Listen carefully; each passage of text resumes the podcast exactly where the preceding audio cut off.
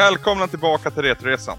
Eh, Efter vårt specialavsnitt förra veckan så är vi nu tillbaka i gammal god maner. Jag heter Anders och Samson, du finns med mig hoppas jag. Jajamän, jag sitter här nere i Malmö och säger hej. Ja, eh, saknar du Bollnäs? Ja och nej. Jag saknar inte kylan, kan jag säga. Nej, just det. Det är en fin stad annars tycker jag. Får gärna komma upp hit oftare. Ja, alltså det är inget fel på Bollnäs. Synd bara att det är så många Bollnäsbor i den. jo, det, är, det finns ett par rötägg här omkring. Ett par.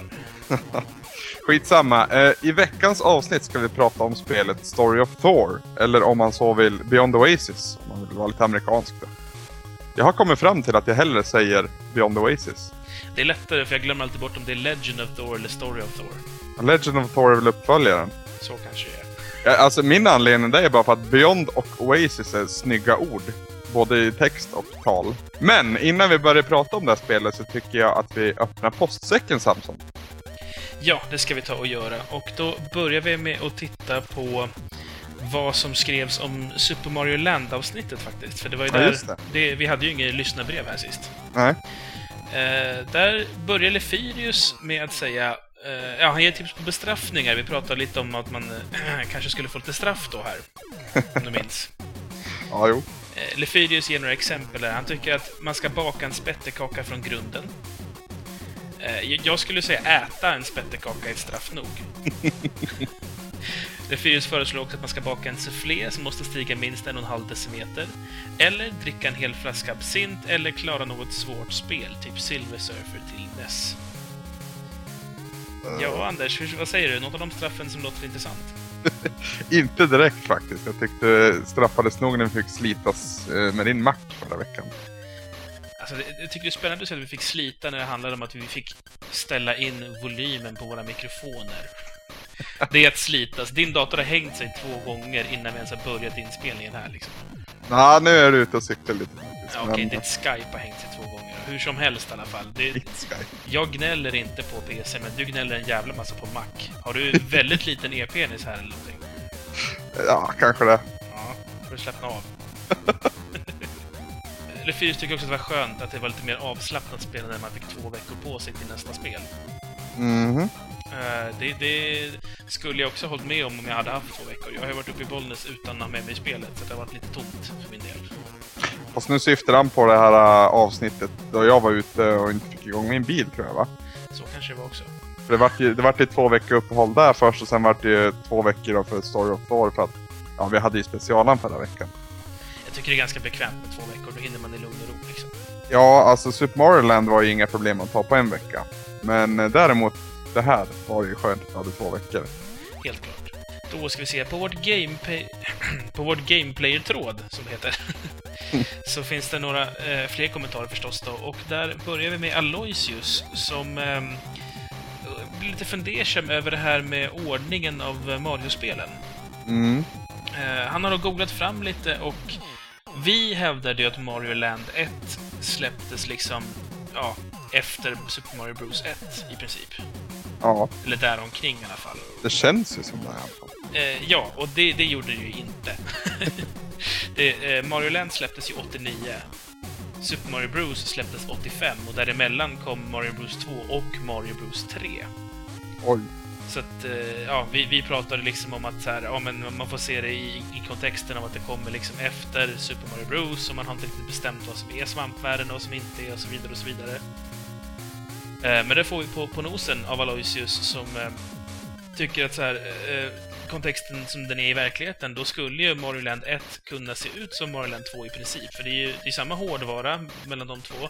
Är, nästan alla spelidéer är redan påhittade, antingen i Mario Bros 3 eller i kommande Super Mario World, som de höll på med samtidigt på Nintendo, när de höll på med Mario Land. Mm. Eh, så att, ja, han eh, mer eller mindre säger att våra ursäkter är liksom inte riktigt bra, och det har han ju faktiskt en poäng med. Ja, alltså har du koll på den här poängställningen mellan våra lyssnare och oss eller? Eh, nej, det är ju Aloysius som redan har två poäng. Ja, det känns som att det var 3-0 där va? Grattis Aloysius, 3-0 helt klart. Ingen diskussion. Nej, men det, det är ju fummel från vår sida som inte har koll på årtalen. Vi, vi har ju gått från hur det, vad vi tänkte att det var. Precis, Och så det- känns det ju. Alltså Super Mario Land 1 då. Det känns ju väldigt mycket Super Mario Bros. Medan Super Mario Land 2 känns Super Mario Bros 3. Ja, eh, om jag ska faktiskt vara lite så seriös med ämnet så tror jag att det har att göra med att Gameboyen, eh, nu har jag inte släppt datum på den i huvudet och det är jättedumt när jag ska prata om det, men Gameboyen var man inte lika bekväm på. Man hade inte riktigt utforskat vad man kunde och inte kunde göra med den hårdvaran. Eh, och Mario Land skulle ju släppas liksom 89. Mm. Och då hade man inte hunnit utforska den tillräckligt väl och inte, man hade liksom inte kött på benen att kunna göra, eller alltså för i Mario Land 2 som kom 92, det vill säga tre år senare, då hade man lärt sig så pass mycket att man kunde porta över Mario 3-motorn. Mm. Men det hade man ingen aning om, om man, var man ens skulle börja när man gjorde Mario Land 1. Så att det är mer en fråga om... Visst, eh, på en annan maskin så finns det mer utveckling. Men på den här maskinen måste vi börja från scratch. Så jag tror att det är därför Mario Land 1 är så himla olika. Mm. Ja, det är nog en poäng i det du säger faktiskt. Jag försöker ha poängen med det jag säger. Det är inte alltid det blir så, men jag försöker.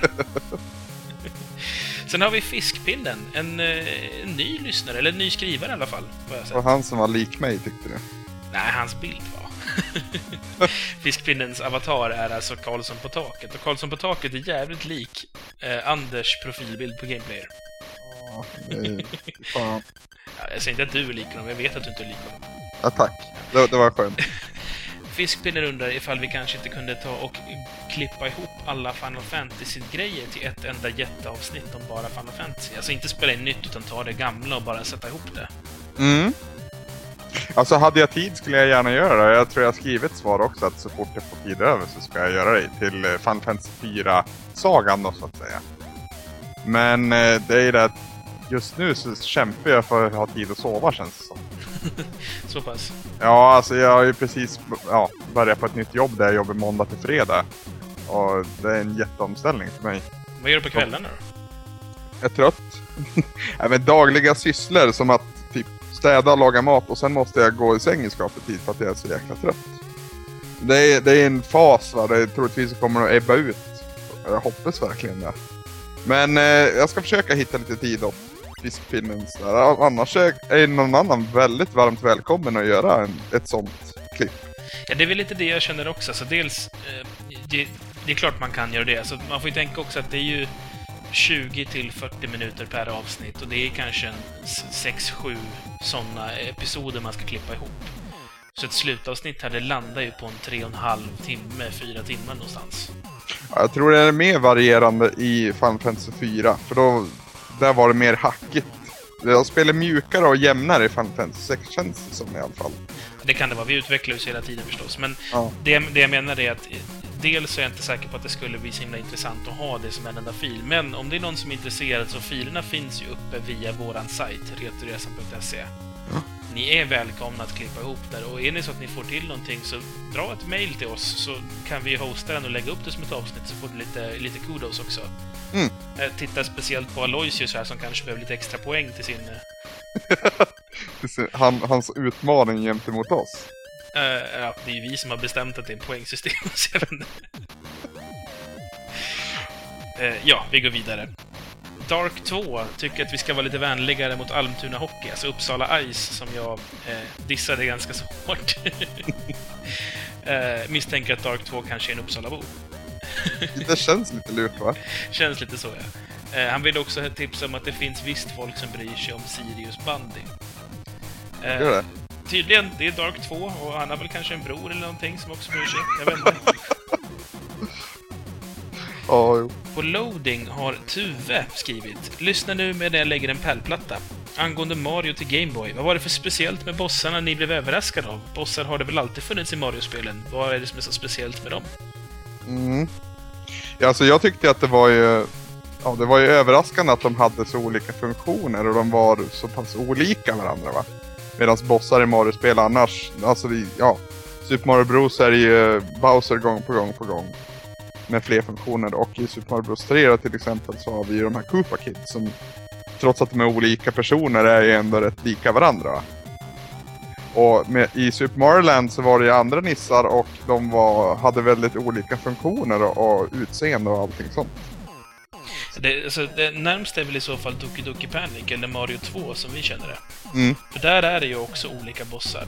Mm. Eh, Så att, det, är väl- det är väl precis som du säger, att man är så van vid att de följer liksom någon slags mönster med bossarna, men här var det alltså verkligen udda bossar som följde banans tema. Men du möter ju inte en så här Åh, nu är vi på isvärlden, så då har vi en isbowser i slutet. Nej. Det, det, du får ju aldrig den vibben liksom i vanliga Mario, men här kunde det verkligen vara nu är vi på trädtopparna och så möter vi en fågel. Mm. Så att det, det, var, lite, det var lite mer det tänket, tror jag. Ja, det var ju en skara nya ansikten framförallt. Ja, jo, men det har det ju varit förut utan att man har reagerat det heller. Så det vet jag inte om det är det som får mig att reagera i alla fall. Sen är det noterbart att han lägger pärlplattor Samson. Ja, det tycker jag är häftigt. Vad är det du lägger för något, Tuve? Det får du ju fota och visa, tycker jag. För, inte, för er som inte vet det så har ju Samson en, ja, vad ska man säga, en historia som pärlplatteläggare och bloggare om det också kanske va? Inte bloggare, men jag, hade, jag har haft en hemsida där jag visat dem. Jag har faktiskt sålt några också, så jag är en erkänd eh, professionell konstnär. det är du. Ja, det är ju imponerande. Ja, Dyra pengar blev det också. Har det varit det? Sålde en uh, Turtle-tavla för, eh, vad var det, 700 spänn tror jag. Åh jävlar. Ja, det finns folk till allt. Jajamän. Ja, nej men eh, det var det som vi har angående Super Mario Land-avsnittet. Mm, Sen så har det kommit lite grann angående Bollnäs-avsnittet också. just det. Så vi ska ta och riva av dem också då. Eh, där börjar vi med Avgrundsvrål som via våran sajt skriver Fan vad deppigt avsnitt! eh, det var ingen solskenshistoria ni kom med, men ni verkade ju ha trevligt i alla fall. Och underhållande var det. Eh, ni borde spela igenom ett helt spel på fyllen och sen redovisa hur det gick. Ja, eh, det, det, det var ju inte... Det, det var väldigt så allvarligt och djupt precis här i början när vi pratade om just de här, ja, familjemedlemmar som kanske inte accepterar och, och skolbyten och liknande och problem med vänner och sådär och hur spelen blir en räddning där. Och det är ju inte en solskenshistoria egentligen, men man kommer ju ut på andra sidan sen. Och då, Mm. då är tunneln slut och då är det en massa ljus, men det, det fick ju inte ni höra för att där sket sig ljudet. Ja.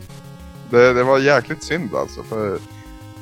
Ja, det är kul för vi har ju fått väldigt bra kritik på förra avsnittet. Men det känns som att den hade ju kunnat bli betydligt... Ja, det hade kunnat bli ett betydligt bättre avsnitt i alla fall tycker jag. Ja, det, alltså det vart väldigt kort. Det, var, det vart verkligen den första tredjedelen av våra diskussioner kom med. Ungefär. Ja. Och vi spelar ju spel och, och snackar samtidigt om det. Och vi försökte ta den där jäkla Super Macho Man i, i Punch-Out. Ingen av oss lyckades, ska, ska anmärkas. Jag fallerade helt. Du, du var ju helt sämst på den. Jag var åtminstone nära att klara den, men jag föll på hans specialattack. Du, du var faktiskt inte bra alls på honom.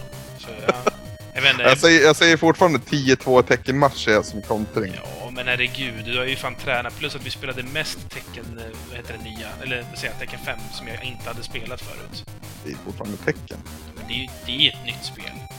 Helvete, Anders. Ja, Det är ju tecken 6 som är det nya. Ja, men tecken 5 har inte jag spelat och då är det nytt för mig. Det är så jag menar. Så att det, för mig är det ju ett nytt spel att spela och så provade jag ju bara massa nya gubbar, inte dra på att du vinner.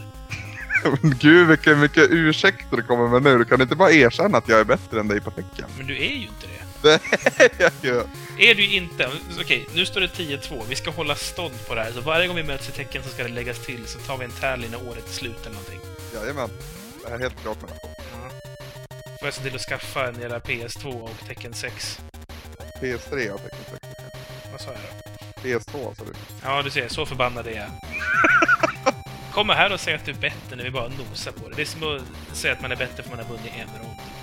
Alltså, jag tror vi behöver lite alkohol i systemet för vi kom mycket bättre överens förra veckan. Ja, jag tror det också. jag går vidare med våra kommentarer här. Lefirius säger Oj, tråkigt med slutet. Kunde ni inte ha kört materialet genom ett filter? Eh, Mm. ja, jo, jag försökte. Eh, det vi har på slutet av avsnittet är det som är kört genom ett filter. Så att det där är liksom så bra som man kunde få det i alla fall. Vi kör ju varenda avsnitt genom, ja, i alla fall ett filter, ibland fler. Ja. Det brukar bli lite till och från och så är det något bakgrundsljud man ska ta bort och så är det massa smackande som ska bort också. Det är mycket på en gång här. Du har börjat med det där smackandet du också. Jag har gjort det hela tiden, det är bara att vi inte har tänkt på det förrän det var någon som uppmärksammade det, tror jag. Nej just det, så kan det vara. Lefyrius eh, säger också att eh, det var hemskt att jag blev rånad. Eh, och att man förstår varför den här snubben valde rånaryrket. Han kunde ju ingenting om tv-spel. Eh, Lefyrius säger också att han ska aldrig sluta spela tv-spel, så han kommer heller aldrig bli en rånare. Det är bra. Ja, eh, sen så ger också Lefyrius sin, eh, inte heller solskenshistoria över hur det blev sig att han spelade liksom, tv-spel. Eh, ja, det, det, är lite långt här, så jag tror inte jag ska läsa upp hela, men, men det är ju en liknande historia, måste jag säga, den som vi har varit med om. Så det, det är också en situation av utsatthet och ensamhet, kan det låta som. Mm. Eh, av olika anledningar. Och sen så finns det någon slags liksom, räddning i den här fantasivärlden man reser bort till. Mm. Eh, avslutningsvis då på det hela så, så summerar också Lefyrius med det känns som att alla som spelar är trasiga personer. Är det därför de flesta spelar? Nu blommar ju dessutom spelindustrin. Är det för att det finns många trasiga människor som till exempel förlorar jobbet?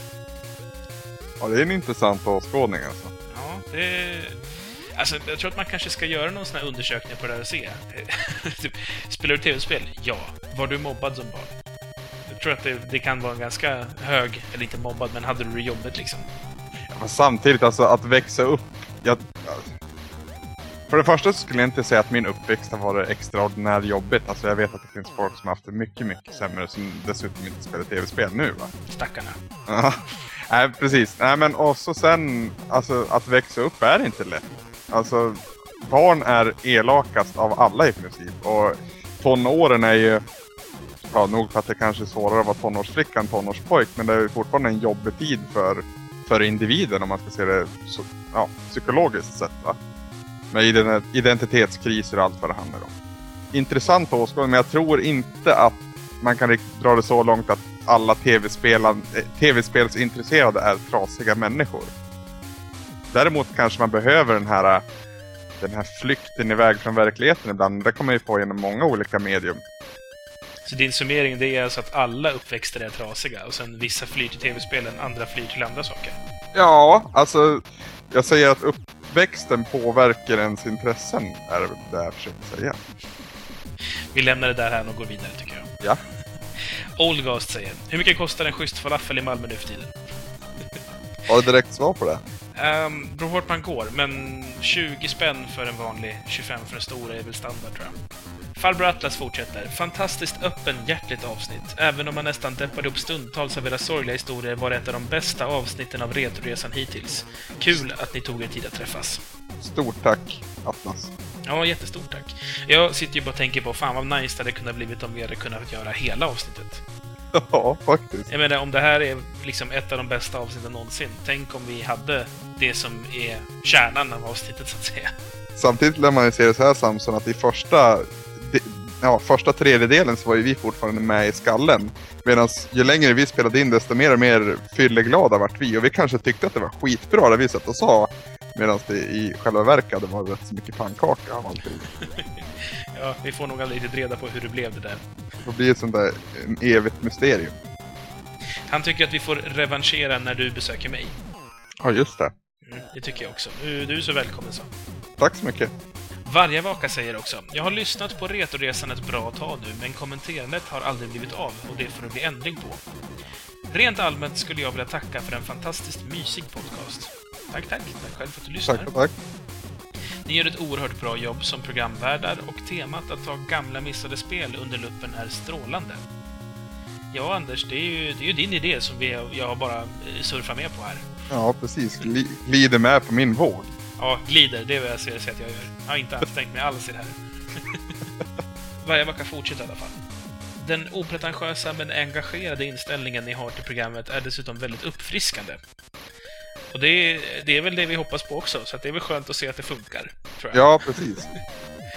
men det, det är lätt hänt att antingen så är man liksom jättepretentiös och har en sån superseriös inställning och så blir det bara pannkaka för att det, det blir oftast ganska fattigt på något vis. Det blir pinsamt nästan, tycker jag.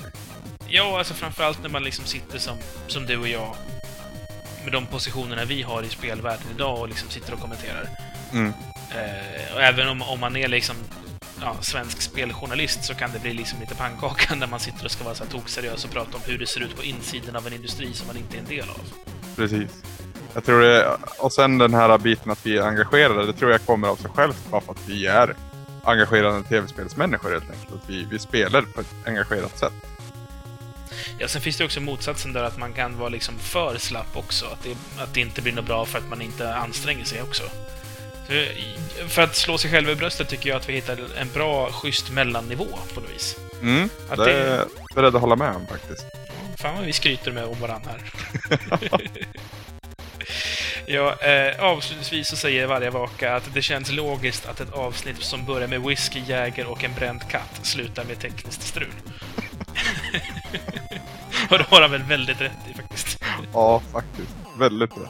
Eh, På Gameplayer säger Pling, sjukt härligt avsnitt nu senast. Man får lust att bara sitta ner mer i studion och softa och spela spel. Bästa avsnittet på länge. Stort tack Nick. Ja, tack, tack. Vi kanske ska fortsätta göra sådana här där vi typ inte spelar någonting. Utan bara snackar skit. Snacka skit och dricker sprit. Ja, Den kan heta så, snacka skit och dricker sprit.se. ja, och efter den här enormt långa postsäcken så tar vi och rundar av den biten och så går vi in på vad vi har spelat.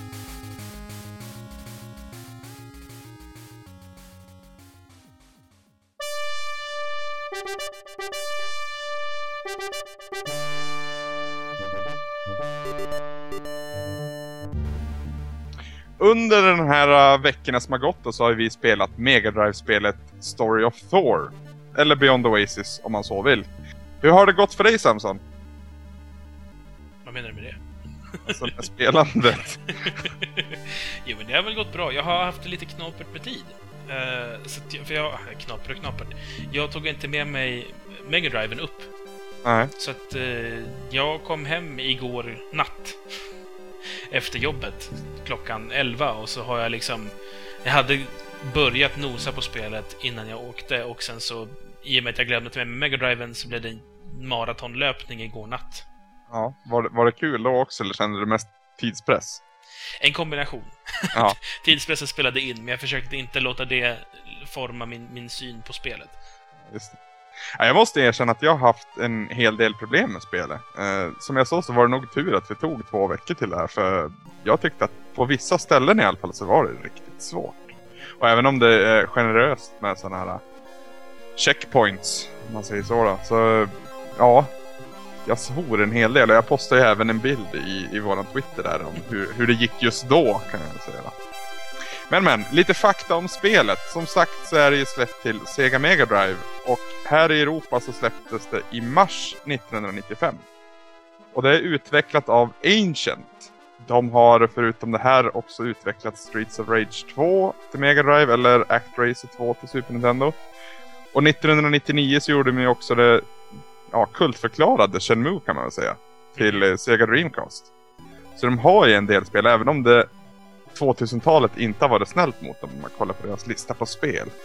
De har väl gått i graven nu skulle jag tro. I alla fall, i spelet så spelar man den unga prinsen Ali som i inledningen snubblar över en eh, typ av guldamulett. Ser ut som ett armband nästan. Eh, den här amuletten den tillhörde en gång i tiden en trollkar som stred mot en annan trollkar som då bar en silveramulett. Och båda dessa de dog under den här striden. Eh, Den här guldamuletten den har ju en förmåga att framkalla sådana här äh, andar kan man väl säga. Eh, Det finns fyra totalt i hela spelet. Eh, Kommer du ihåg vad de heter Samson? Uh, ska vi se, vatten... Hon heter Dytto. Ja, Eh, ja, Ifrit heter elden. jajamän. Eller Efret. Eh, jag, jag minns inte vad skuggkillen heter. Han heter Sh- Shade, så det är väldigt nära. Och sen har vi den här växtnissen. Som Ja. håller, ja. Och han heter ju Bao. Ja, just Så. det. Eller, eller Bo. Ja, Bo är det väl kanske. Ali då, han färdas omkring i den här världen som heter Oasis. Eh, och så är han i jakt på de här olika andarna. Och hans slutgiltiga uppdrag är väl att han ska hitta och förgöra den här silveramuletten och framförallt den som bär den då. För ja, den personen har bara släppt ut monster i ja, världen Oasis. Då kollar vi lite på hur presentationen ser ut i det här spelet Samson och jag måste säga att grafiken knockade mig ur stolen. Otroligt snyggt. Och animationerna också. Alltså, Ja. allting ser skitsnyggt ut och det rör sig riktigt bra därtill. Mm, alltså det, det är väldigt färgglatt men samtidigt så finns det en seriös och nästan allvarlig ton där någonstans va? Det känns lite som ett, alltså, det, det är ju den självklara liknelsen är ju Zelda och det finns ju mycket gemensamma faktorer där. Men det känns också lite, lite mognare än Zelda. Det är inte lika mycket liksom fabelvärld som Zelda kan vara. Nej, precis. Eh, Jag fick ju Disney-vibbar av just hur det är uppritat. Eh, I, i framförallt i cutscenes då, men, eh, men även ur hur huvudkaraktären Ali ser ut då. Han, han känns ju ganska så mycket som Aladdin, tycker jag. Ja, Sen dessutom namnet. Ja, ja, pri- prins Ali, lycklig och fri. Ali Ababwa. eh, ja, jo, men det, där finns det ju liksom, en uppenbar liknelse. Sen tycker jag alltså någonting som spelet gör jävligt bra utöver liksom hur saker är uppritade, det är ju effekterna som används. Alltså, Mega Driven är ju inte känd för att ha så jättemycket grafiska prytteleffekter. Så det Zelda hade ju regn eh, Mm. på, på, i början när man kommer ut ur huset. Mm. Och den typen av effekter är liksom ovanliga på Mega Driven för dens grafikprocessor är inte riktigt gjord för att, eller grafikchip är inte gjort för det. Men här har man liksom på något vis lyckats få in det så att man har liksom mycket sånt och man har mycket rörlig bakgrund. Alltså de här vattenfallseffekterna till exempel är jättesnygga tycker jag. Mm. Eh, sen, så, sen så växlar det fram och tillbaka också. Vissa ställen så kan det vara nästan helfärgat, typ om det är så här, vet, när man rör sig längs kustlinjen så är det vatten. Mm. Och där är det liksom, längs med kusten är det jättedetaljerat att det är en kust, men sen ute i vattnet är det bara en jämn blå färg. Och det kan kännas lite tråkigt, så att säga. det går ju lite upp och ner ändå med grafiken, men på det stora hela så är det ett väldigt positivt intryck från min sida i alla fall. Ja, från min sida också. Som jag sa, framförallt i cutscenes. Det finns inte så många, men eh, i de som finns så är det ju tokigt jävla. Inledningen till exempel. Inledningen är magnifik, alltså det känns Ja. som... Det, det är någonting också med liksom hastigheten som det hela rör sig i, alltså bl- blinkande effekter och liknande. Det känns nästan... Jag får arkadvibbar av det, alltså det är så snyggt. Mm. Intressant att du säger arkadvibbar, vi ska komma till det sen. Eh, under presentation så ingår ju också, tyvärr för det här spelets skull, musik, eller ljud framförallt. Mm. Eh, Mega Drive har ju en, eller Mega Drive-spel har ju en förmåga att dras med rätt dassig musik. Och ja, Story of Thor tillhör ju den sorgliga skaran. Tyvärr. Alltså ljudmässigt så är det inte exceptionellt dåligt, men däremot musiken blir jag tokigt jävla less på. Jävligt snart. Så jag, jag, när jag hör den här musiken, jag tänker lite tillbaks till Strider. ja, För faktiskt. att det, det är väldigt mycket samma alltså midi-instrument som man använde i Strider. Mm. Eh, de här fula basslagen. Bjong, bjong. och så vidare. Och det låter liksom inte bra. Så dels så känns det liksom nersamplat och, och tråkigt, men dels, så framförallt, så att säga, som du tycker också, låtarna i sig håller inte. Nej. Det, det är liksom, det är bara ljud. Det är bara en matta, en ganska jobbig matta som irriterar lite. Ja, den, den är där och som en nagel i ögat i princip skulle jag säga. Mm.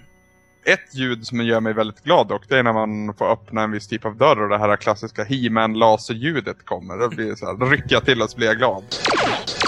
Det är riktigt, riktigt läckert. Det, det gillade jag också, det reagerade jag också på faktiskt. Du kollade också på He-Man konstant när du var liten alltså? Klart jag gjorde. Min pappa hade en videobutik på den Ja, tiden. just det. Just det. Jag skulle ha känt dig när jag var liten känns det som.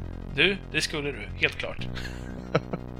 Eh, våra lyssnare har också tyckt till om, om det här spelet och dess presentation.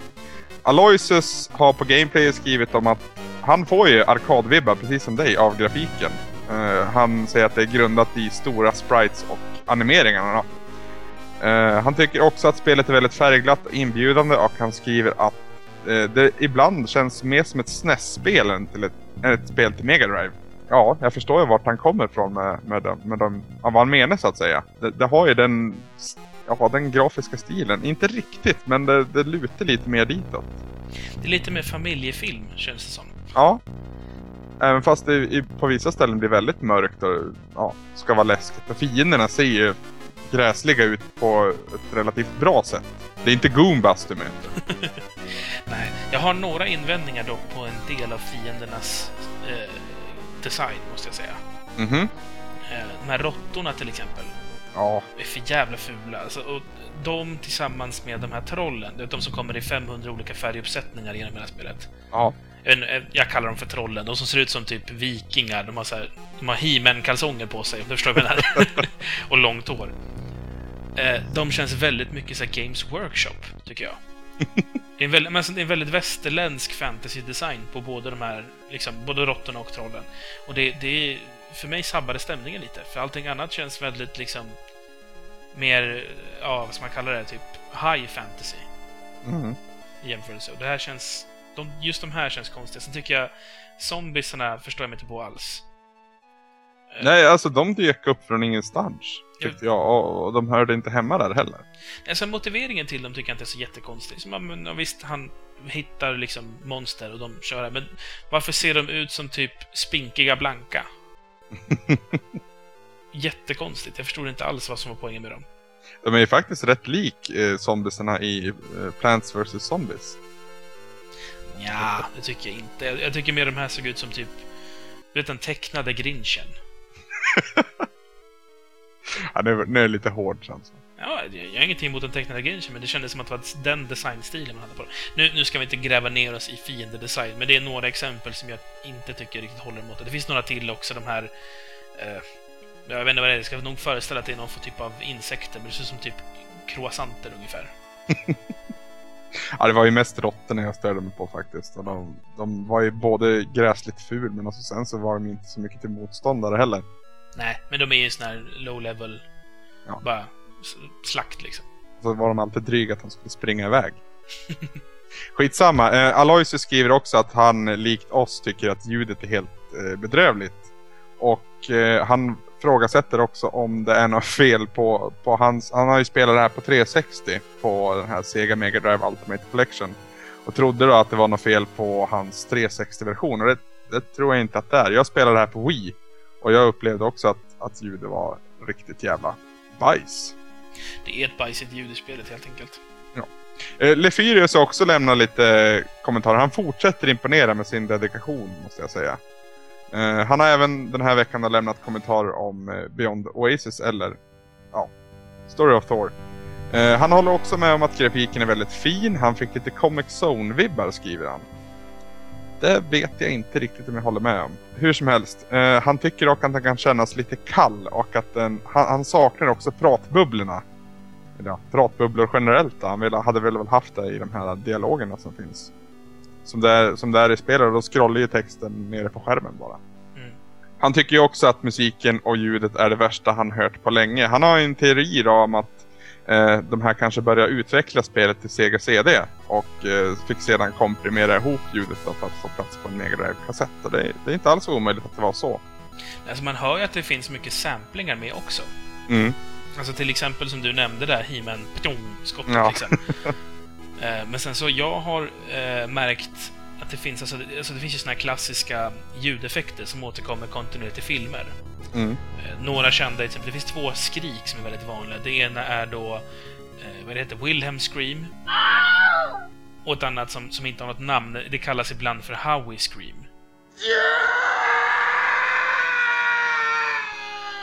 Båda de här två används ju flitigt i både film och spel. Howie Scream är väl kanske mest känd från Zombies i, i Half-Life 2. De här snabba zombiesarna. Just det. Eh, Men det här skriket är ju också med i det här spelet. När du dödar någon av de här, eh, vad heter de? Jag vet inte vad de heter, men det är så soldater som har en spikboll. Ja. Eh, När de dör, då utbrister de ett sånt här Howie Scream. Jag tyckte ju att dödsskriken generellt påminde om, om Golden Axe-spelen. Där de verkligen skriker på riktigt. Jo, de- det finns ju en del liknande samplingar där också då. Ja. Så det jag, nu är jag, inte, jag är inte så jättebekant med Golden Axe, så att jag har inte jämförelsen så i huvudet, men det ligger nog mycket i det du säger där. Om vi ska gå in lite på gameplay istället då. Och hur det är att spela spel. Alltså, Story of Thor, det utspelas ju ur ett uppifrån perspektiv konstant genom hela spelet. Eh, likt bland annat Zombies Ate My Neighbor som vi spelade tidigare här. Eller Zelda. Eller Zelda om man så vill. Ali kan ju gå i sex olika riktningar. Han kan ducka, han kan hoppa, han kan attackera och sen kan han ju också göra olika attacker och ja, andra saker med de här spirits man plockar upp. Eh, hur tycker du att allting fungerar?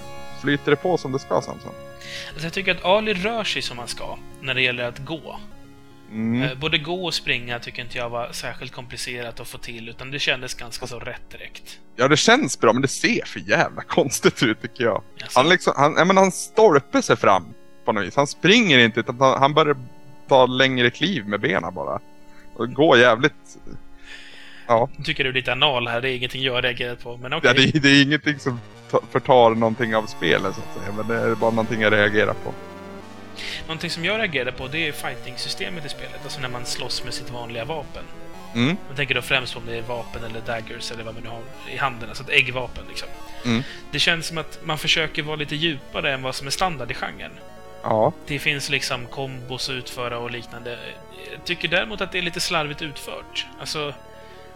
Jag, jag tycker att det är komplicerat att veta liksom, om jag gör så här, är det verkligen en spark jag kommer göra nu eller kommer han vifta med svärdet? Och vad är det jag vill ha just nu liksom? Precis, det känns som ett tärningskast oftast och så mashar man attackknappen. Liksom. Det blir mycket button mashing i slutet. Ja. Så det blir extra tydligt när man möter en boss. Uh, hit detection är lite all over the place. Jag tänkte komma till det. Det är också någonting som är gener- eller alltså som jag upplevt i alla fall, någonting som Mega Drive dras med. Hit detection, Ja.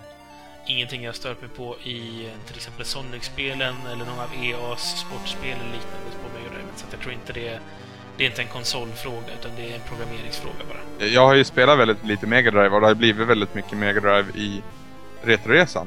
Därav. Eh, jag minns till exempel Rise Star då, som första spelet vi spelade. Där var ju hit detection dålig. Och sen, Otydlig, skulle jag säga. ja, ja, oh, ja.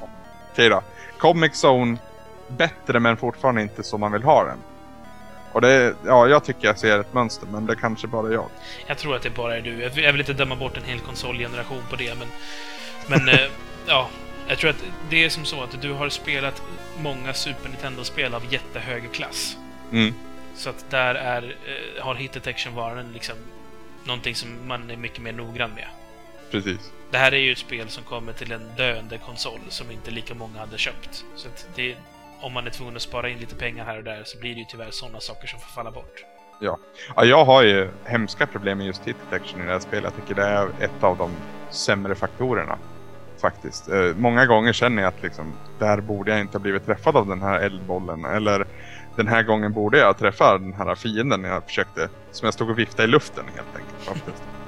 Den, ja, sen har jag lite problem med hur han rör sig. Jag, jag tycker han är lite för seg. Och då är det, ja i och för sig då, den bossen jag tänker på det är väl andra bossen i spelet, den här dödskallen i fråga. Den Man- var riktigt jobbig minns jag. Ja, och så springer man in och sörja också som gör att han är ännu segare än vanligt. Så man, ja, man får ju hoppa sig fram, kommer jag fram till. Hoppandet får jag inget bra grepp på alls, måste jag Nej. säga. Eh, Man använder ju ducka och hoppa på samma knapp. Och när man släpper den knappen, så att säga, det är då han hoppar. Och tryck, håller man in knappen då, då går den ju framåt, duckande så att säga. Alltså det, det som gjorde det lite svårt för mig då, det är att en bit in i spelet så ska man ju hoppa på rörliga plattformar. Eh, och där, där fick jag jättemycket problem för just den här hoppmekaniken, för den kändes inte alls... Det kan ju vara jag som är ovan vid hopp i, i liksom den här typen av vy, för Zelda har ju som princip inte hoppat i 2D. Nej. Det, det, är ju, ja, men det fanns ju för sig, man kunde hoppa med fjädern i Link's Awakening, men det är liksom så litet och så inte alls likadant så att säga. Det kändes, inte fel egentligen, men det kändes svårt att få till. Alltså jag minns att jag hade problem med det även i Zombies Ate My Neighbors. Mm. Det, det känns inte som att det är rätt. Nej, det, man ska nog inte hoppa så mycket ur det här perspektivet faktiskt. Nej, jag tror inte det. är, alltså det. Även om man kollar på Turtles in Time till exempel, det är ju ett liknande rörelsemönster, även om perspektivet är lite skevt så att säga. Mm. När du har... Alltså du går ju ändå i tre dimensioner även om det är tvådimensionell grafik och det blir svårt att få till hoppen korrekta. Jag tror det måste vara 2D för att få bra hopp helt enkelt. Mm. Jag är gamla gubbar vi det ska vara 2D annars är det inte på riktigt. Bakåtsträvare tror jag det finns ett ord som heter. Ja, det, det, det är helt klart vi. Uh, Lefyrius skriver att han tycker att kontrollen fungerar bra och att han, han gillar det här kombosystemet. Eh, han tillägger dock att hoppmekaniken är svår och eh, man faller ganska enkelt ner men han tycker inte att det gör så mycket. Så han är inne på samma spår men han har väl en lite mer positiv inställning än oss då. Eh, rent spelmässigt så saknar han eh, pusslen. Som, han drar ju också den här jämförelsen till Zelda. Och, och tycker att eh, Story of Thor är betydligt mer linjärt än vad valfritt Zelda-spel är. Ja, alltså jag har en anteckning här där det står inte mycket utforskande. Nej, det är inte det. Nej, alltså det, det, är det är väldigt få extra belöningar om man liksom lämnar main story-grejer. Mm. Det, Och det, de, och de som liksom man kan hitta det som extra, då är det så jävla brutalt svårt så då orkar man inte med det. Vet, vet du vad jag syftar på? det är väl Omega misstänker jag. Ja, Omega eller den här jäkla ja, racingbanan typ. Racingbanan, den, bemödade mig inte ens med att försöka. Jag hade för lite tid på mig. Ja, Jag har liksom Jo. såhär, jaha okej, och sen såhär, skit i det liksom. man ska, ju, man ska ju klara den på en viss, viss tid. Jag har ju gjort lite efterforskning på det där sen, för jag sket ju också i det för att jag tyckte inte att det funkar alls. Men jag gjorde lite efterforskning och man ska, jag kommer inte ihåg vilken tid det var, men man får ju något, jag tror det är någon pilbåge då. Eller en sån här armborsta. För att, eh, ja, för att klara det på en speciell tid. Och den ska tydligen vara rätt bra också. Men jag sket i det helt. Ja, apropå det här, alltså Omegasvärdet är ju någonting som jag däremot hade. Mm, Ehm, det som gör Omegasvärdet vettigt, det är ju att det inte tar slut. mm. För det är ju extremt störande med de andra vapnen. Det är så märkligt, jag förstår inte poängen. Varför tar de slut för?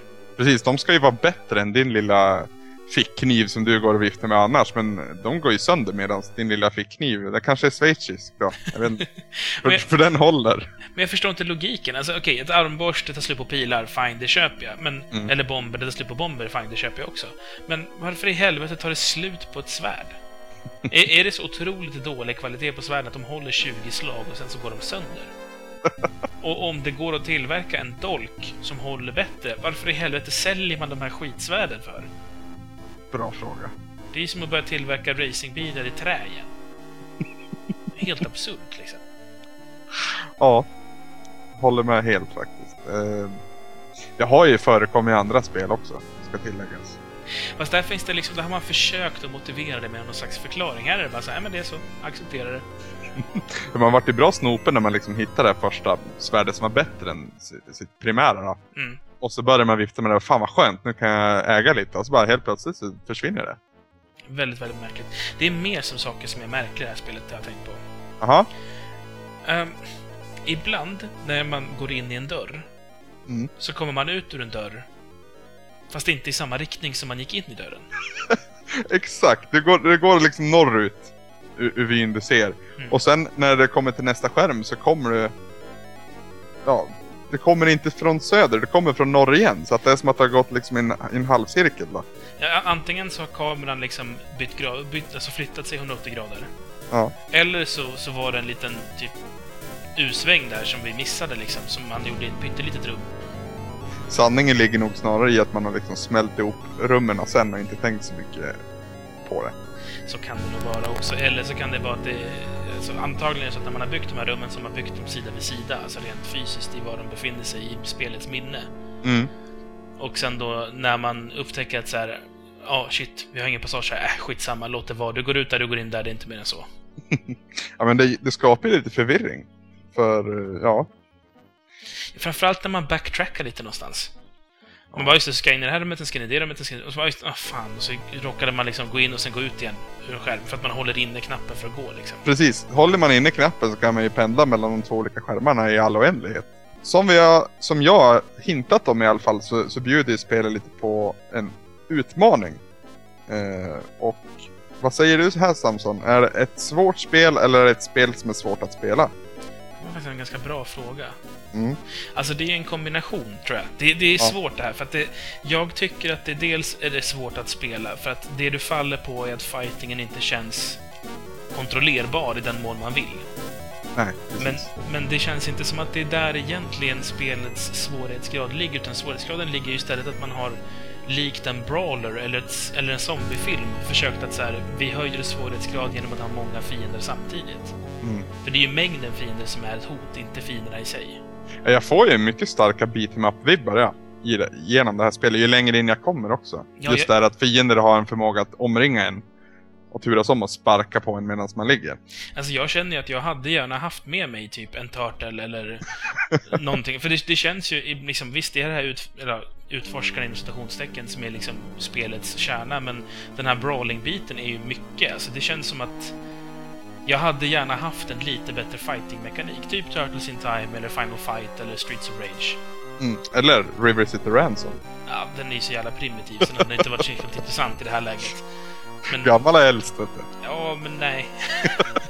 I så fall Turtles 2 som är mycket bättre än Lucid Ransom. Ja det är jag faktiskt. Hur som i alla fall, jag hade mycket gärna hellre haft en fighting-systemet därifrån. Så att jag hade liksom kunnat känna att det, det var mitt fel att jag dog. När jag dör liksom.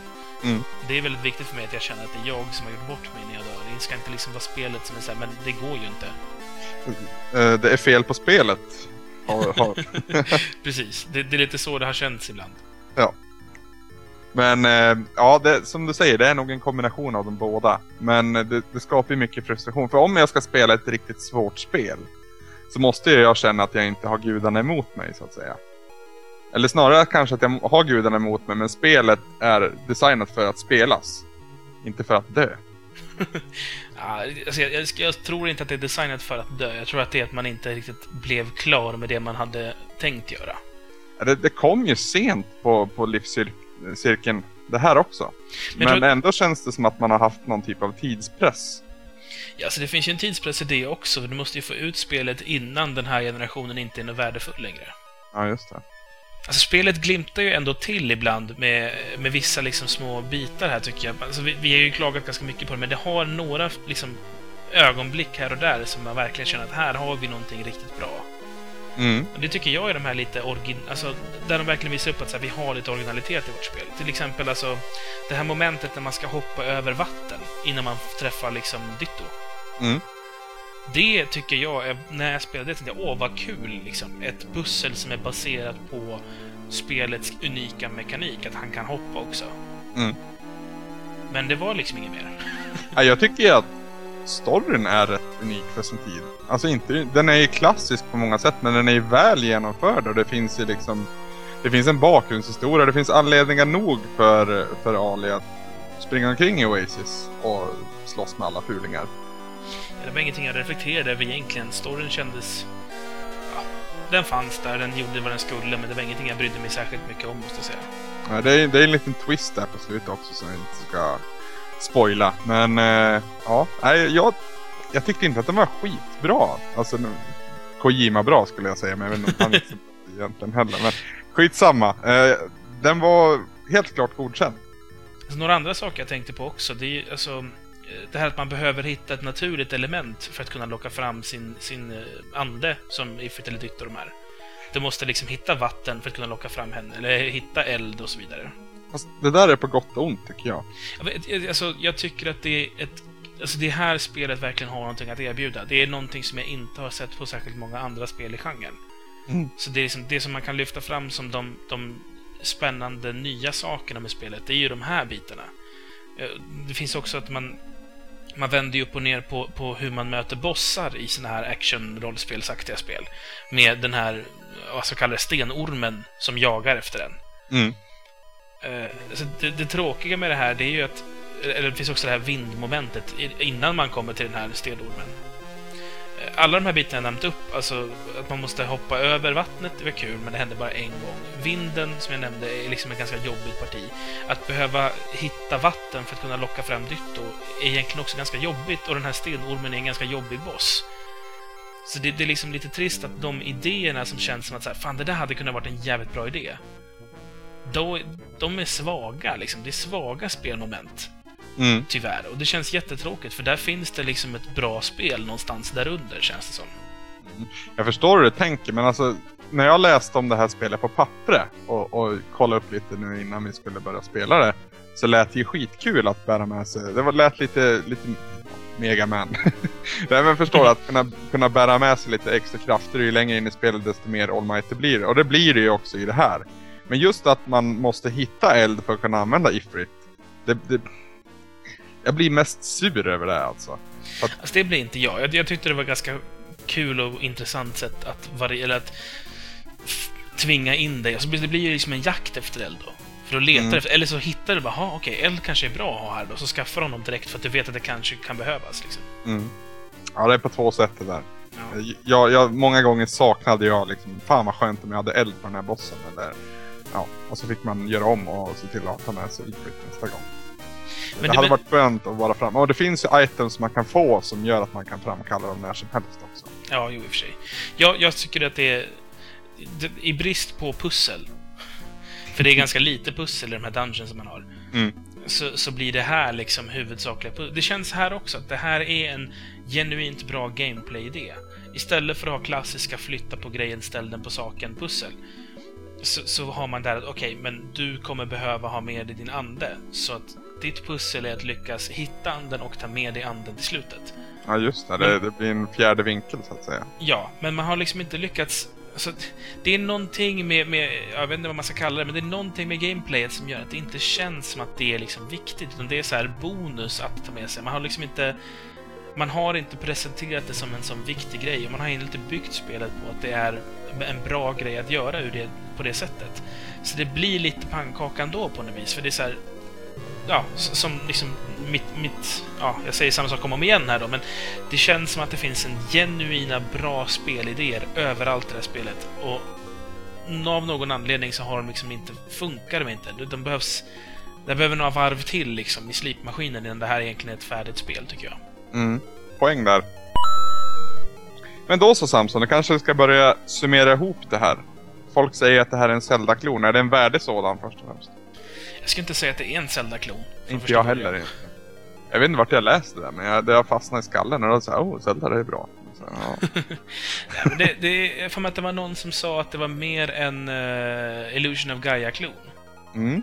Jag tror det var Lefyrus faktiskt. Ja, kan det nog vara. Alltså det, det är mer, för det, det, är mer åt det hållet. Mm. På något vis, tror jag. Har du någon pizza då? Jag vet inte vad jag har för pizza just nu. Det är väldigt konstigt. Här. Det är mer en berättelse om en pizzabagare, tror jag. Ja, låt gå.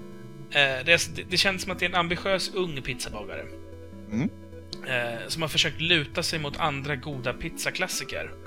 Och liksom luta sig mot dem och sen vidareutveckla sina egna koncept ovanpå det. För det är hans egna koncept som är viktiga. Och det som gör dem unika menar du? Precis, men han, men han förlitar sig på klassisk pizza i, i grunden för att den ska liksom ha något stabilt att stå på.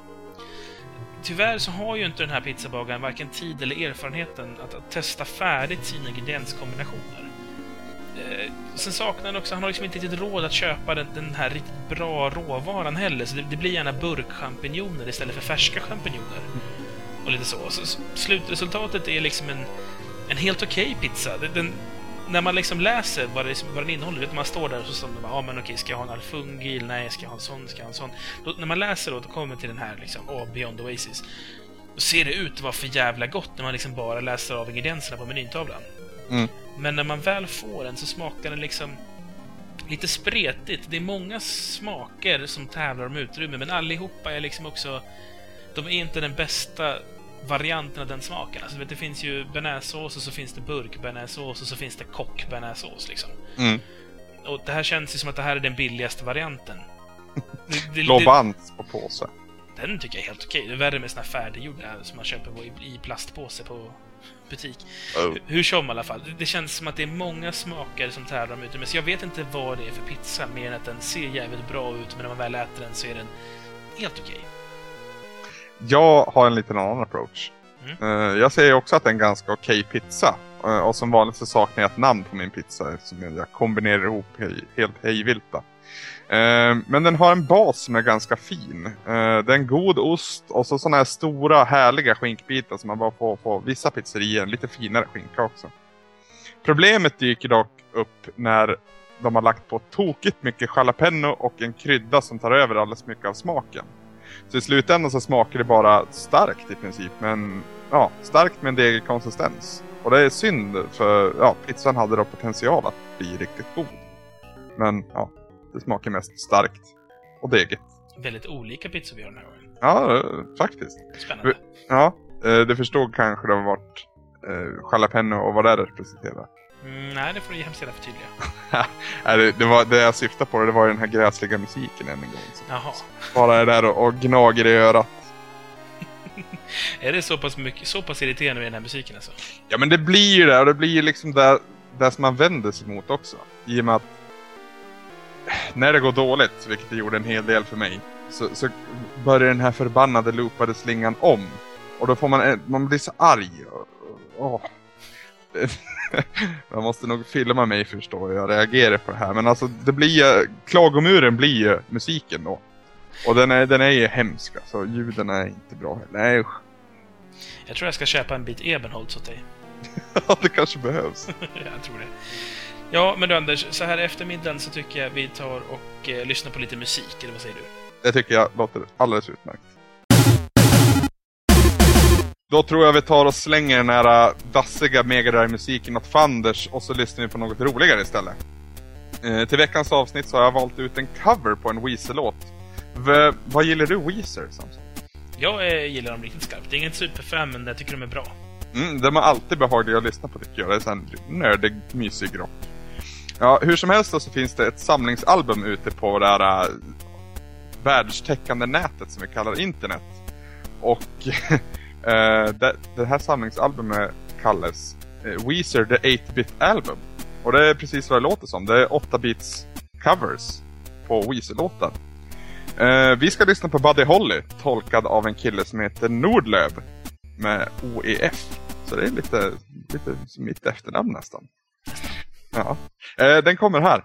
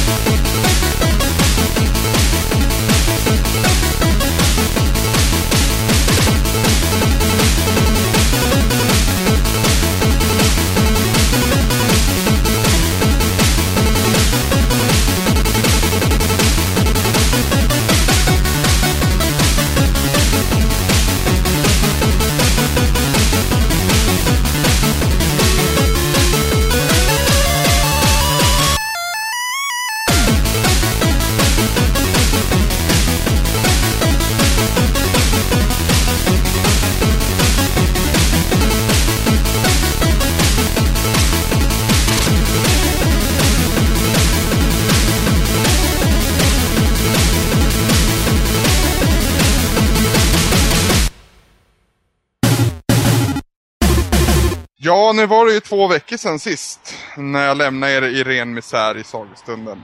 Eh, som ni kanske kommer ihåg så hade ju världen gått under. Och det är numera en hemsk plats där inga blommor slår ut och allting sakta men säkert faller samman. Celeste vaknade upp på den här ensliga ön och hade inte någon som helst vetskap hur det har gått för alla andra. Som enda sällskap så har hon då Sid som eh, ja, under det här året som hon har legat i koma så har han vakat över henne och hjälpt henne att överleva. Eh, den här ön som vi befinner oss på är tokigt liten och ett, heter den Solitary Island, tror jag. Det kan den göra. Ja. Hur som helst då, Sid har eh, under sista tiden, eller senaste tiden, blivit allt sjukare och för att försöka rädda han då så ber jag mig ut med Celeste för att hitta någonting att äta. Och det är, det är ja, fisk som man kan få tag i på det här stället.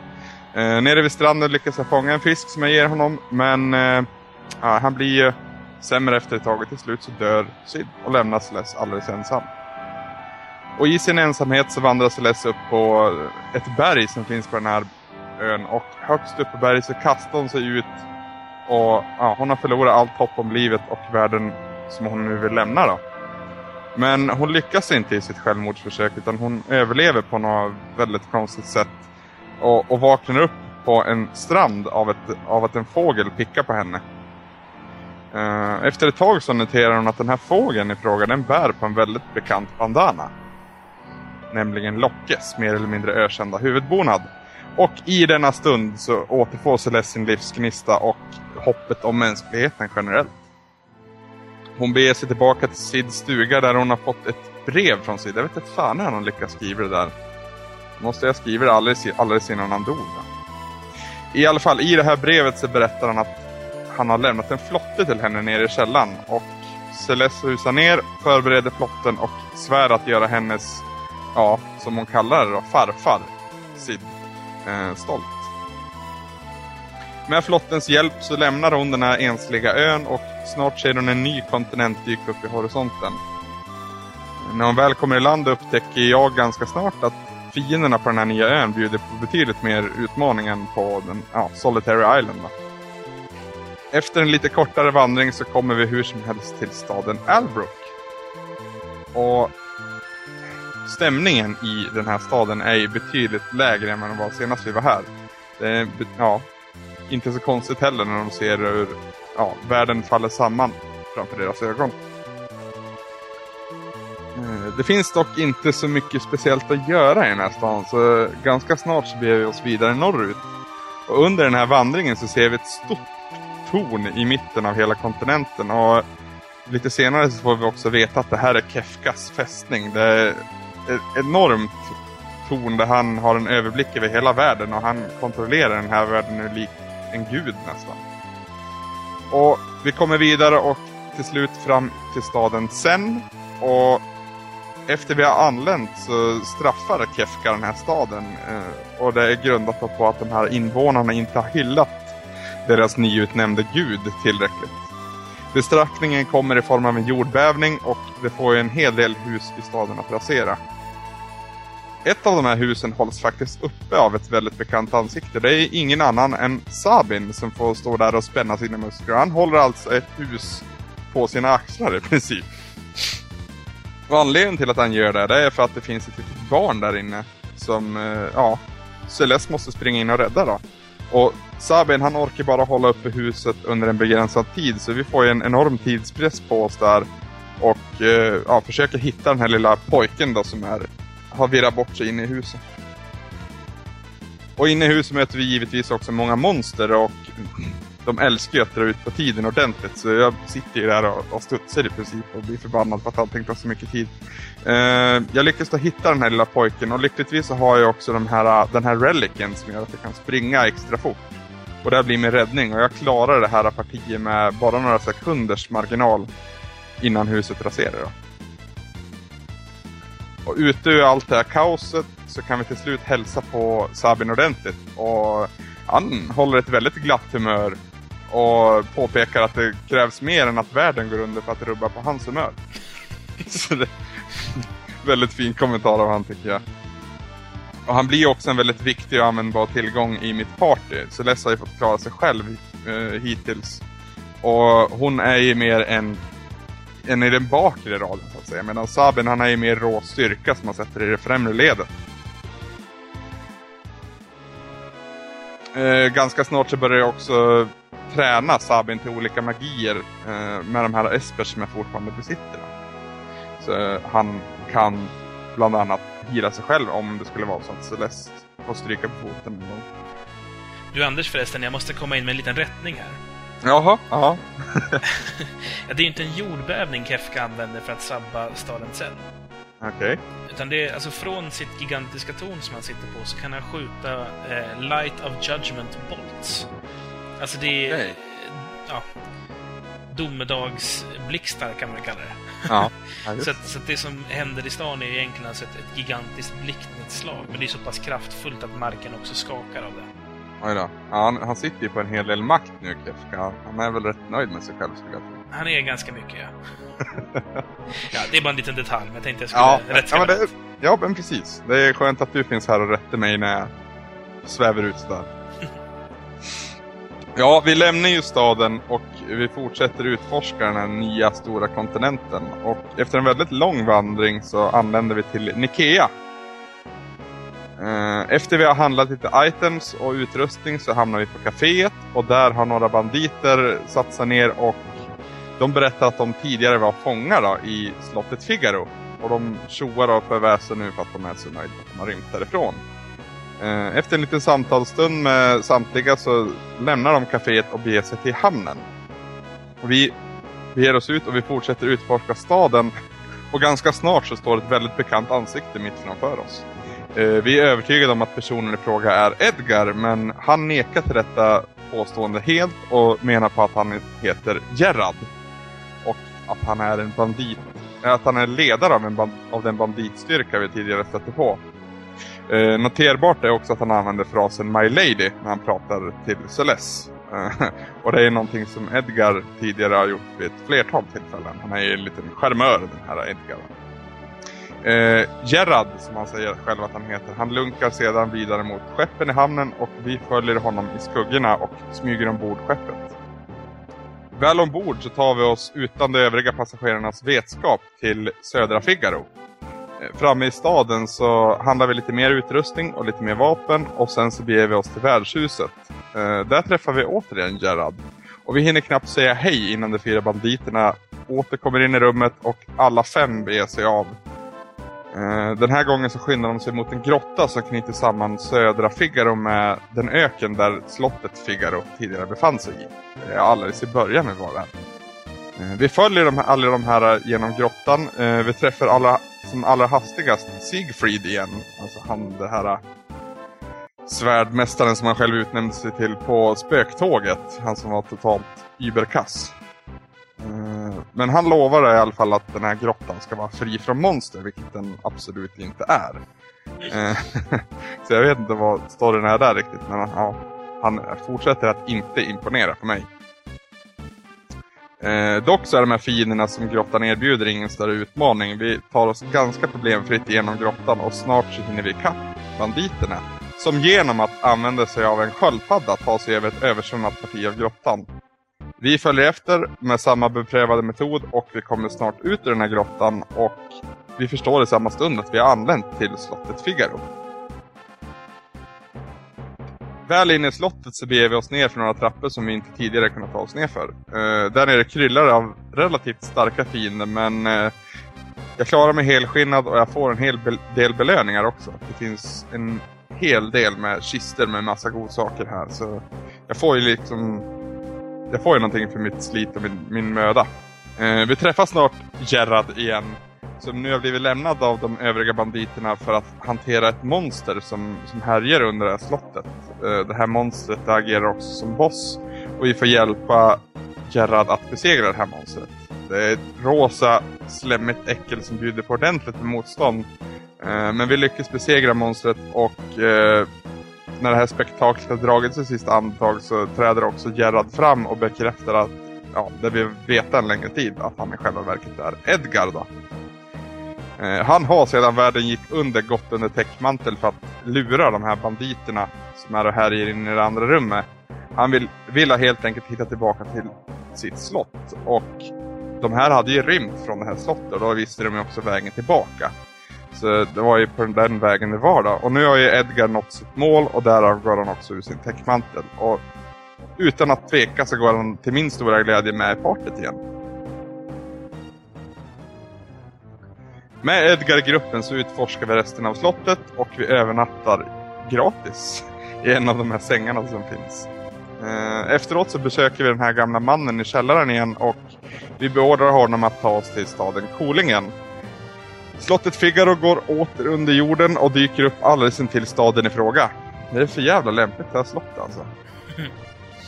Eh, vi tackar för resan och vi ber oss ut på världsgatan igen och vi äntrar staden Kolingen. Och i staden så träffar vi Setzer ganska snart på kaféet. Alltså, jag vet inte, men de gillar att, att fika tydligen. Eh, verkar onekligen så. Eh, han har sina tvivel när han får frågan om han vill ansluta till partiet igen. Men eh, ja, han, han har väl lite negativ inställning. Han har fått en...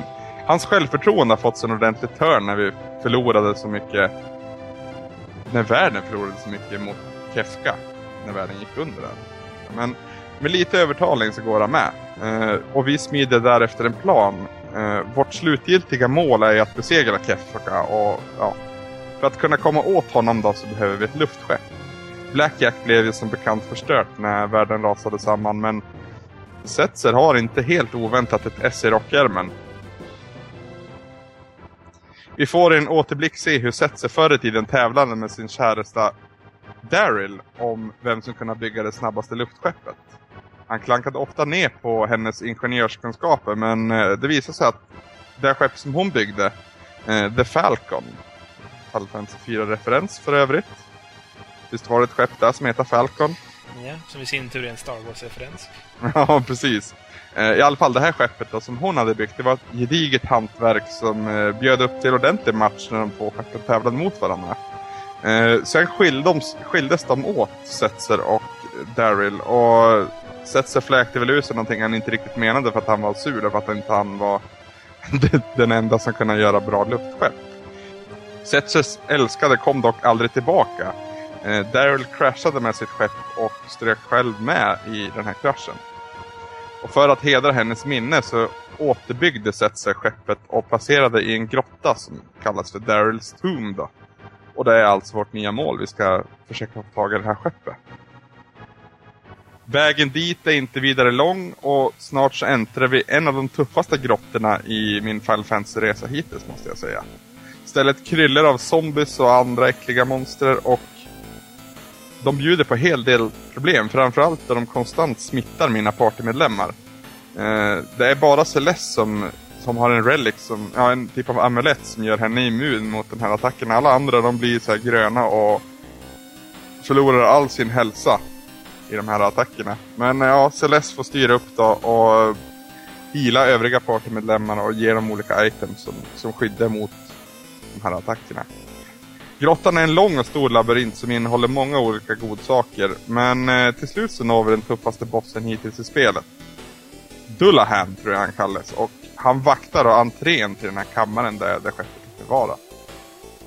Dullahan är, ja, som jag sa, den svåraste bossen i spelet hittills tycker jag. Och jag dör ett flertal gånger utan att hitta någon vinnande taktik där. Så jag försöker balansera upp och jag tar en statusmagi för att kolla vad han har för svagheter. Så han har ju extremt mycket HP framförallt. Lyckligtvis då så finns det en plats alldeles intill den här bossfighten där, där, jag, kan, där jag har sparat. Så jag kan... Jag får försöka om utan att göra, göra om långa partier av spelet. Uh, den här gången där jag lyckas besegra bossen det är när jag kör 100% offensivt och bara attackerar mot den. Och jag, jag, slänger i princip alla spells och attacker jag kan komma på mot den. Och det är inte med stor marginal men uh, jag klarar mig och vi kommer in i kammaren där luftskeppet Falcon är förvarat. Vi stiger upp ur den här grottan då och eh, ombord skeppet så känner Edgar för första gången sedan världen rasade samman att det finns hopp för, för dem och för hela mänskligheten. Vinden blåser för första gången på väldigt, väldigt länge i deras segel och det finns en liten möjlighet att de kan lyckas med, med deras uppdrag. Nästa uppgift då det blir att hitta Locke. Eh, och eh, hur det går det får ni höra i nästa avsnitt av Retroresan. Ja, Anders, när du började spela eh, inför det här avsnittet då, så då var det ju precis efter att jorden hade gått under. Precis. Det, jag minns att när jag spelade spelet, så det som slog mig här, det var ju att alla var ju utspridda nu.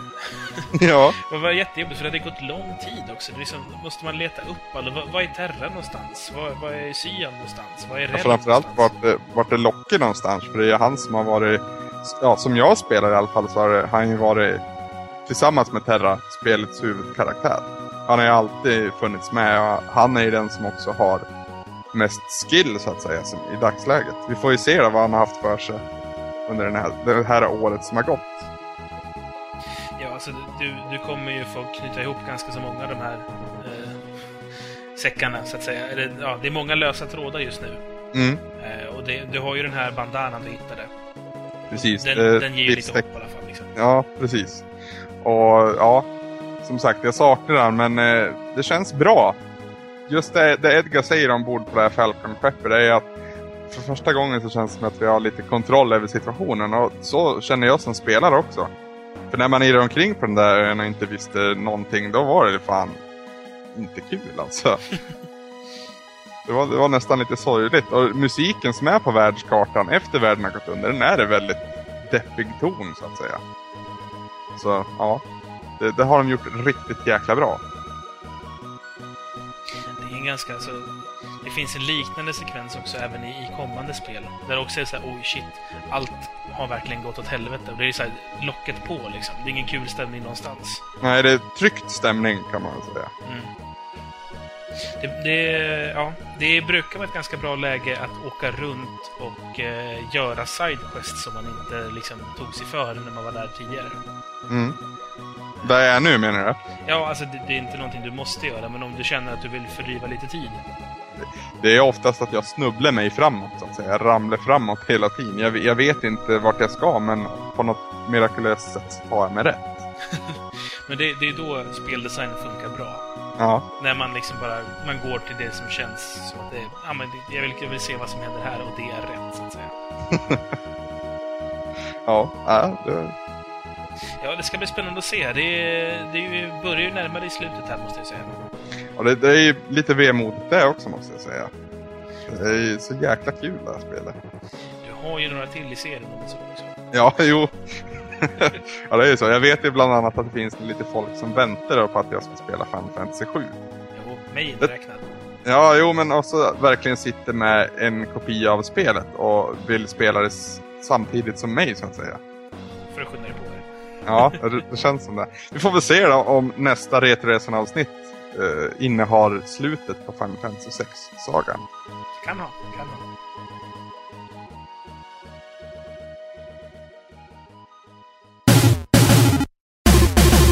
Då så Samson, då går vi in lite på vad vi ska spela till nästa vecka då. Och lite i kontrast till Story of Thor så har vi valt ut Metal Slug 3. Till, ja vad heter det från början den här dyra konsolen? Neo Geo. Neo Geo, ägde du någon sån någon gång?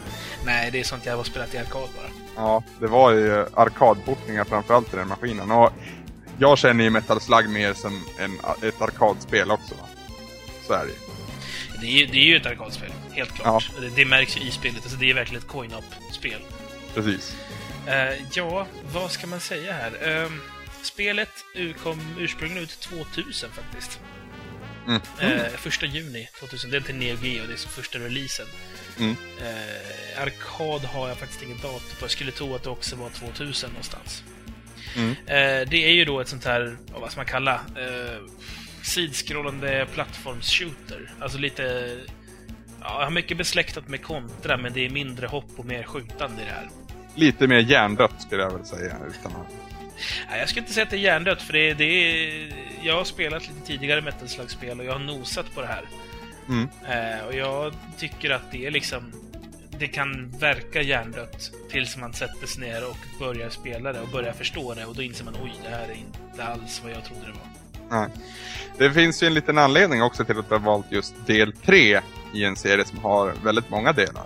Och det är ju framförallt för att det är relativt enkelt att få tag i. Med, ja, till en billig peng. Ja, det är ju som så att om man inte äger ett arkadkabinett eh, Som in- de flesta gör då.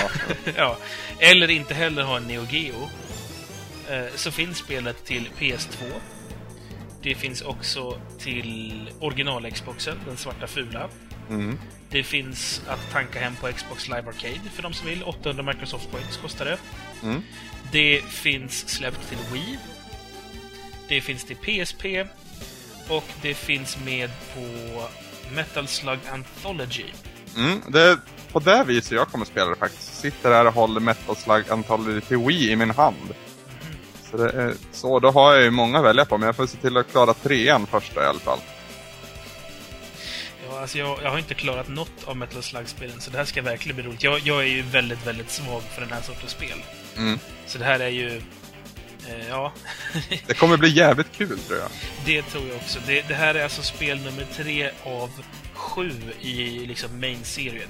Mm. Sen så finns det ju också spin-offsen, First Mission, Second Mission, eh, Metal Slug Advance och eh, ja, det här, det här spelet, eller tvåan, släpptes ju också till PS2 som kort och gott heter Metal Slug och var lite förändrat och moderniserat. Sen har vi ett Metal Slug på väg också till DS. Just det. Så att det finns lite aktualitet i det. Jag ska också säga att det finns till Windows. Ja. Eh, och det släpptes någon gång förra året, men jag vet inte alls eh, datumet där. Men nu känns det väl inte som att de har några ursäkter de som lyssnar va? Nej, nu, nu, nu finns det faktiskt på allt ni kan tänka er. Eh, Så ja, nu, nu är det dags att spela, ni som inte brukar. Nu vill vi ha mer än bara Lefyrius och Aloysius som kommer att säga till här. Ja. De får ju fortfarande också gärna kommentera alltså. Det är jätteuppskattat varenda gång. Ja, ja, det blir ju poängtävling också. ja, det är ju det. Vi har våran hemliga lista här som vi antecknar i. Jag tänkte inte gå igenom någonting i övrigt i spelet vad gäller story och liknande, utan det kan vi ta i så fall när det är dags. Jajamän. Eh, Men jag ser fram emot ett eh, riktigt nice, kul shooterspel. Jag ska också säga då att det är ju två spelare co-op om man vill. Ja, Jag kommer spela det på min Xbox, för jag har köpt det då till Xbox Live Arcade. ja just det. Eh, Så att jag... eh, Dels så vill jag ju se till att spela med dig, om du kan få tummen ur och, och eh, köpa spelet. Ja, just det. Annars så tänkte jag också passa på att öppna upp ifall vi har några lyssnare som skulle vilja lira lite co-op med mig. För det måste jag göra prov på. Ja, Så är det någon som sitter på en Xbox 360 och har guldabonnemang för Xbox Live och så vidare och har köpt det här spelet så skicka gärna ett meddelande till mig via Xbox Live. Jag heter Move the Bongos i ett varsitt ord. Så Move som i flytta, The som i den, Bongos som i trummorna. Flytta på bongotrummorna, fast med mellanrum mellan varje ord. Då. och så på engelska. Ja. Move the Bongos, det är jag. Så bli vän med mig på Xbox Live och eh, spela lite med mig så jag får testa på co-op ifall inte lat-Anders går och köper det själv. Ja, det är ju det att jag sitter redan verkligen med kopian i handen va. Mm. Så det, det känns ju lite dumt att betala för det två gånger. Dock så kan det ju vara värt det just för co-op-delen. Vi har inte riktigt bestämt det här än. Vi får se hur det blir. Men i annat, i annat fall så är eh, som sagt, lyssnarna är välkomna att spela med mig om ni vill. Sen när vi är online är det bara att hojta till och säga tja, vill du lira lite så kan vi göra det. Ja. Ja, Anders, då vet vi att vi ska spela Metal Slug 3 till nästa vecka. Men vi har ju fått höra att vi behöver ha lite framförhållning. Mm. Och eh, för en gångs skull så har vi lyssnat på våra lyssnare. så att vi har beslutat oss för att göra så här. Vi kommer ju delvis twittra ut vad det är vi ska spela efter Metal Slug. Mm. Men vi kommer också från och med när det här avsnittet finns tillgängligt att lyssna på också på våran sajt på högersidan. Du vet, där man har våran Twitterbox och liknande. Mm. Där kommer vi alltid skriva upp vad spelar vi just nu och vad kommer vi spela nästa gång. Precis. Det är en oerhörd framhållning helt plötsligt. Ja, så att under tiden som vi håller på med Metal Slug 3 så kommer vi redan på sajten direkt skriva vad som är nästa veckas. Så om ni vill hoppa över Metal Slug, varför ni nu skulle vilja göra det, så Aha. kommer nästa spel efter det att finnas via vår sajt. Det är bara att gå in och titta där. Och det, så kommer vi försöka hålla det i fortsättningen hela tiden också. Så både Twitter och på sajten. Ja, just det. Då kanske vi ska ta och runda av för veckan då. Det blir dags va? Mm. Om ni som lyssnar känner att ni vill lämna en kommentar på det här avsnittet så gör ni enklast att gå till vår hemsida för att göra det. Och då är det alltså retroresan.se som gäller. Eh, det går ju också att debattera på eh, våra forumtrådar som vi har på antingen gameplayer.se eller på loading.se. Och länkar till det, det finner ni på vår hemsida än en gång. Annars går det också att söka sig fram även om det kan vara lite bökigt. Men, ja. Retroresan är väl där man ska söka på det. Eh, om ni inte redan sitter och lyssnar på det här via iTunes så går det ju faktiskt att prenumerera på oss via det här eh, fantastiska programmet. Eller då RSS om man så vill. Eh, länkar för båda alternativen det finns än en gång på vår hemsida retroresan.se. Men om ni nu är inne på iTunes så ser vi, också att, ser vi gärna också att ni lämnar en kommentar och en recension då framförallt. Vad ni tycker om Retroresan och vad ni tycker om Samson och mig och vad vi bör göra och vad vi kan göra bättre och vad vi gör bra redan nu. Och en som har förstått det här då, det är alltså användaren Strix på iTunes som har lämnat en kort men väldigt varm recension på oss där han ger oss full pott, fem, nej, jo fem stjärnor. Han skriver att det, det här är en riktigt trevlig och underhållande spelpodcast. Han hoppas på ett avsnitt om Gunsmoke till NES. Att det kommer snart. Och ja, tack för det, Strix. Väldigt värmande. Och vi ställer ordna Gunsmoke så småningom här också. Ja, vi måste väl göra det här då. Det är ett bra sätt att få sitt spel in. Lämna en recension. full, full pott också då. Ja, ja, det, det är viktigt. Vi har också en Twitter där vi mer eller mindre försöker hålla er uppdaterade om vad som händer bakom kulisserna så att säga. Och vi har ju också en liten plan om att vi ska börja twittra spel i förväg så att ni, ni kan få tag i dem i, i godans tid. Ja, vi var lite sådär med det här hittills men eh, ja, vi ska försöka bli bättre på det. Finns ni på Facebook så finns vi också där för er och där kan ni gå med i våran grupp, diskutera och nätverka. Eh, vi har ju som vi har sagt tidigare en lätt den mysigaste och bästa gruppen på hela Facebook. Så det är egentligen ingenting att tveka på. Och vill ni komma i kontakt med oss på det gamla heliga mejlviset så går ju det också bra. Då mejlar ni till retroresansnablasave.se Då tackar vi för idag. Jag heter Anders. Jag heter Samson. Målet är ingenting. Resan är allt.